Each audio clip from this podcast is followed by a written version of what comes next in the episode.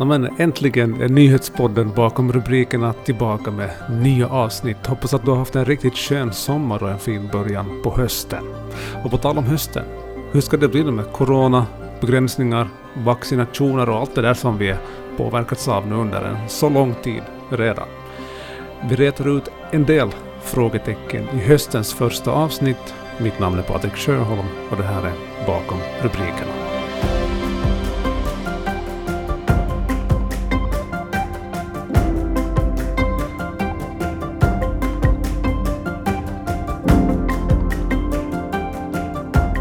Söndagen så, så konstaterades då det största antalet coronafall hittills i höst och för en tid sedan så gick Vasa sjukvårdsdistrikt över till epidemins spridningsfas igen. Peter Nieminen, chefsöverläkare för Vasa sjukvårdsdistrikt, hur skulle du säga att coronaläget är, är här i vårt distrikt just nu?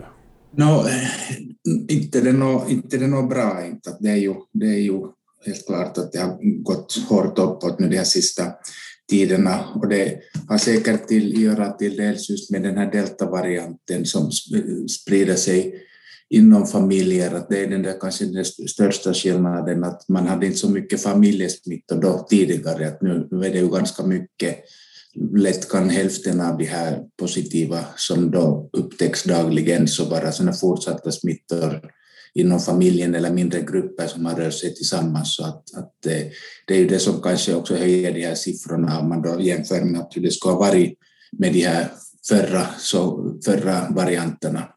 Men det, vi, vi, får hoppas nu att det lugnar ner sig, att nu kom det bara någon enstaka den idag, så att om, om vi skulle nu våga tro att det börjar lugna ner sig, det som är också förstås bra är ju att, att oberoende så de här eh, vaccinerna skyddar ju bra, att, att, att det har varit knappast något behov för sjukhusvård under, under hela den här tiden. Ja, precis det.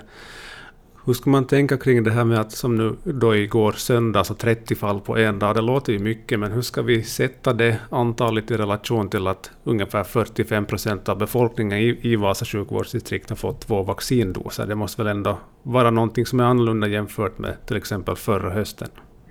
Ja, no, absolut. Att det, det hjälper, hjälper ju otroligt mycket, just som jag påpekade där, att det, att det hjälper just mot den här Eh, svåra, svåra liksom sjukdomsbilden, att man sen inte hamnar, hamnar på sjukhus. Att det, det är ju det, det, det som är den stora skillnaden nu. Att, och, och, och, faktiskt så börjar vi närma oss mycket högre siffror. Att det är ju, eh, att om vi tänker på den delen av befolkningen, alltså 12 år som ska vaccineras, så, så har vi väl över 80 procent av dem har fått åtminstone en spruta och nu vågar jag inte säga för jag de där pappren på ett annat ställe, men att långt över 50 procent, om inte till och med 60 procent har fått två sprutor. Så, och nu ges det många, många, många sprutor de här, den här veckan och nästa vecka. Att det var långt över 10 000 som får sin andra spruta. Den där procenten stiger nog i snabb takt nu.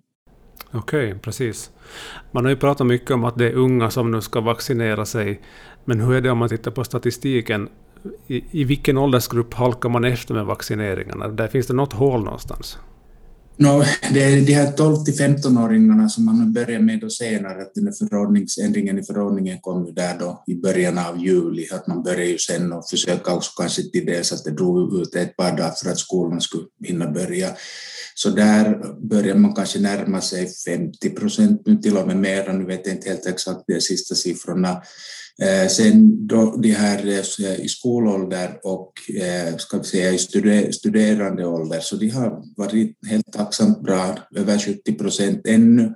Helst nog skulle den procenten få bli betydligt högre, men sen unga vuxna från 25 till 35, så det är kanske den gruppen som halkar lite efter. Och det, det är ett nationellt fenomen och det vet man inte riktigt vad det beror på. Att det kan ju hända att man har bråttom, man lever småbarnsliv och det är svårt till, till kanske ibland boka och, och, och sen kunna hålla, hålla tiden och, och, och kanske inte så lätt i dagtid. Så att det är walk-in, walk eh, liksom vart man får komma in då utan att behöva boka tid i förväg. Så de har varit, de har varit lyckade. Att dit har det nog kommit mycket folk så att procenten har nog stigit där också. Så att det är något sånt säkert som kommer, kommer att fortsätta i kommunen.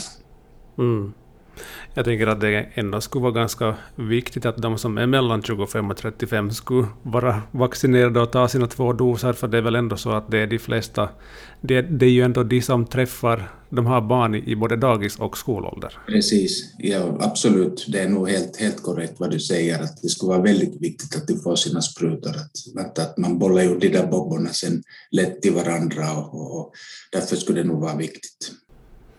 Om vi här hoppar över till frågor som eh, vi har fått in från läsare. Det var det fritt fram att, att eh, ställa frågor angående corona.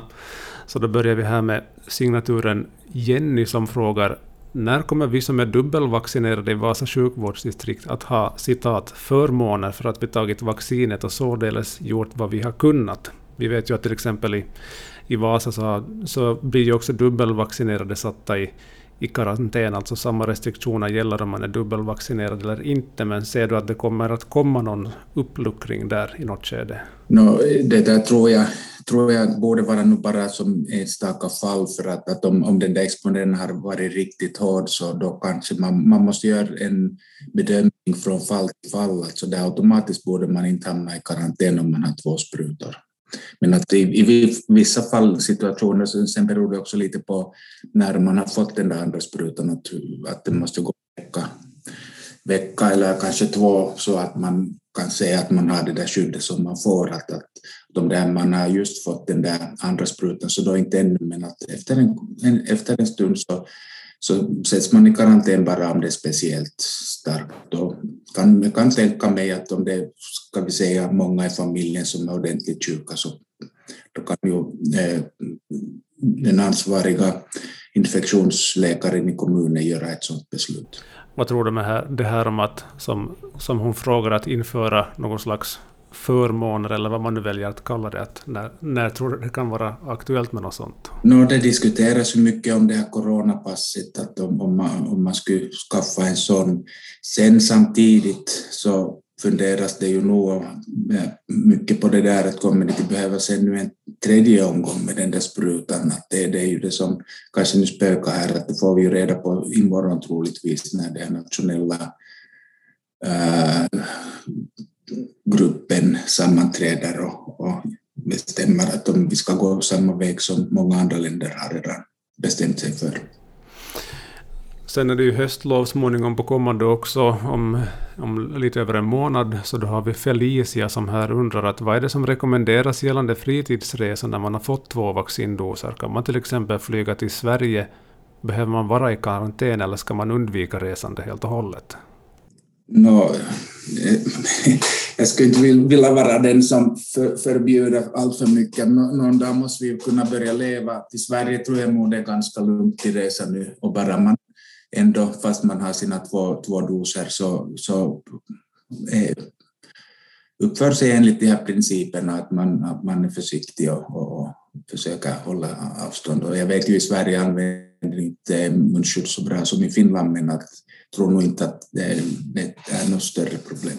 Sen ännu en fråga om Mattias som undrar så här att när 80-90 procent av befolkningen har fått två vaccindoser, vad är då planen gällande barn under 12 år samt deras familjer? Kommer testandet på samma sätt att fortsätta och de återkommande karantänerna tills alla barn under 12 år antingen haft corona eller blir vaccinerade? Vad tror du om det? Det är nog en svår fråga det där, för, för det där det kommer ju de här nya mutationerna.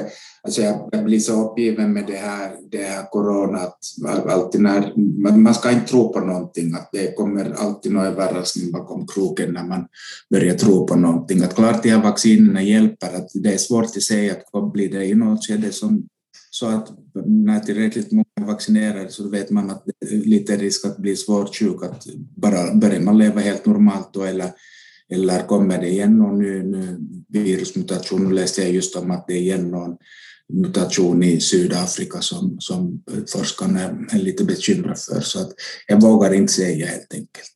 Sen en fråga om incidenstalet. Det är en läsare som tycker här att det inte längre är ett bra mätinstrument enligt, enligt det, så som det funkar idag, att man borde då istället lyfta fram antalet intagna på sjukhuset istället och, och, och liksom lyfta fram det här då att, att 97 000 av 100 000 har ju faktiskt inte corona om man tittar på incidenstal.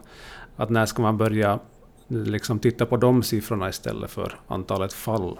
No, det är nog en bra fråga. Det är just kanske lite vad jag svarar på redan här också. Mm. Så måste vi bara börja leva, leva, leva normalt och testa de som blir svårt sjuka och hamnar in på sjukhus. Jag vet inte, men att det kan ju bli på det viset. Det, det stämmer att inte har vi ju som sagt väldigt lite patienter på sjukhus överlag nu också i Finland jämfört med det, vad det har varit. Men nu måste ju den där täckningen bli, bli högre. Som sagt, att det, man, man skulle kunna övergå till det. Och sen ser vi ju också om, om det kommer den där tredje rundan och någon dag så evolutionen gör ju nog på det viset att det här viruset kommer till bli mildare och, och kommer till kanske bli en sån där vanlig influensavirus bland andra sen i, till, till, slut. Men när det blir så är väl lite för tidigt att säga. Den sista frågan det gäller tester. Det är en, som, en, en lyssnare som undrar att när ska snabbtesterna införas? De är ju pålitliga till en hög procent billiga och snabba. Varför slösar man med dyra och långsamma tester? No, det, har nog, det är nog inte några dyra numera de här som, som man får då via, via Finland.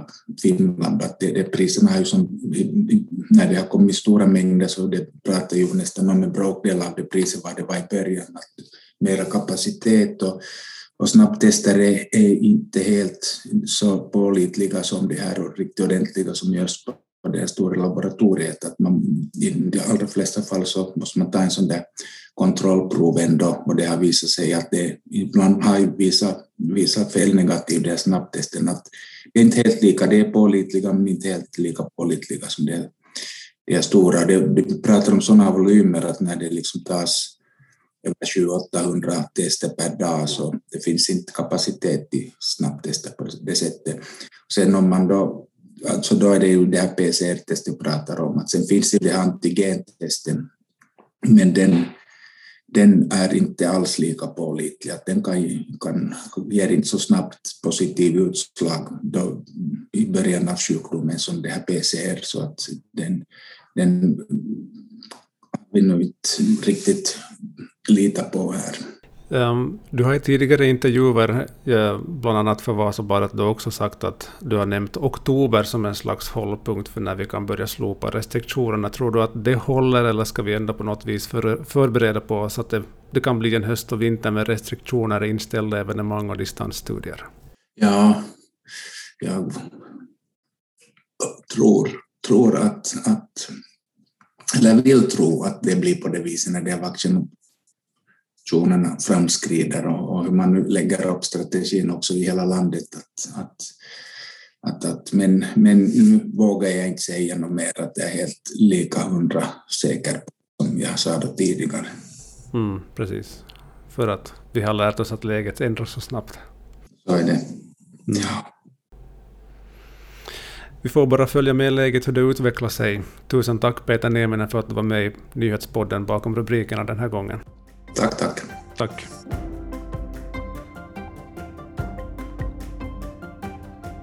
Där hörde vi chefsöverläkare Peter Nieminen och jag vill passa på att rikta ett stort tack till alla er som skickade in frågor på förhand. Det kommer säkert fler liknande tillfällen här under höstens lopp.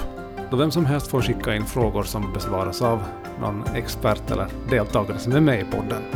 Följ gärna bakom rubrikerna på Spotify eller Apple Podcast för att inte missa nya avsnitt som ju utkommer som förut två gånger per vecka.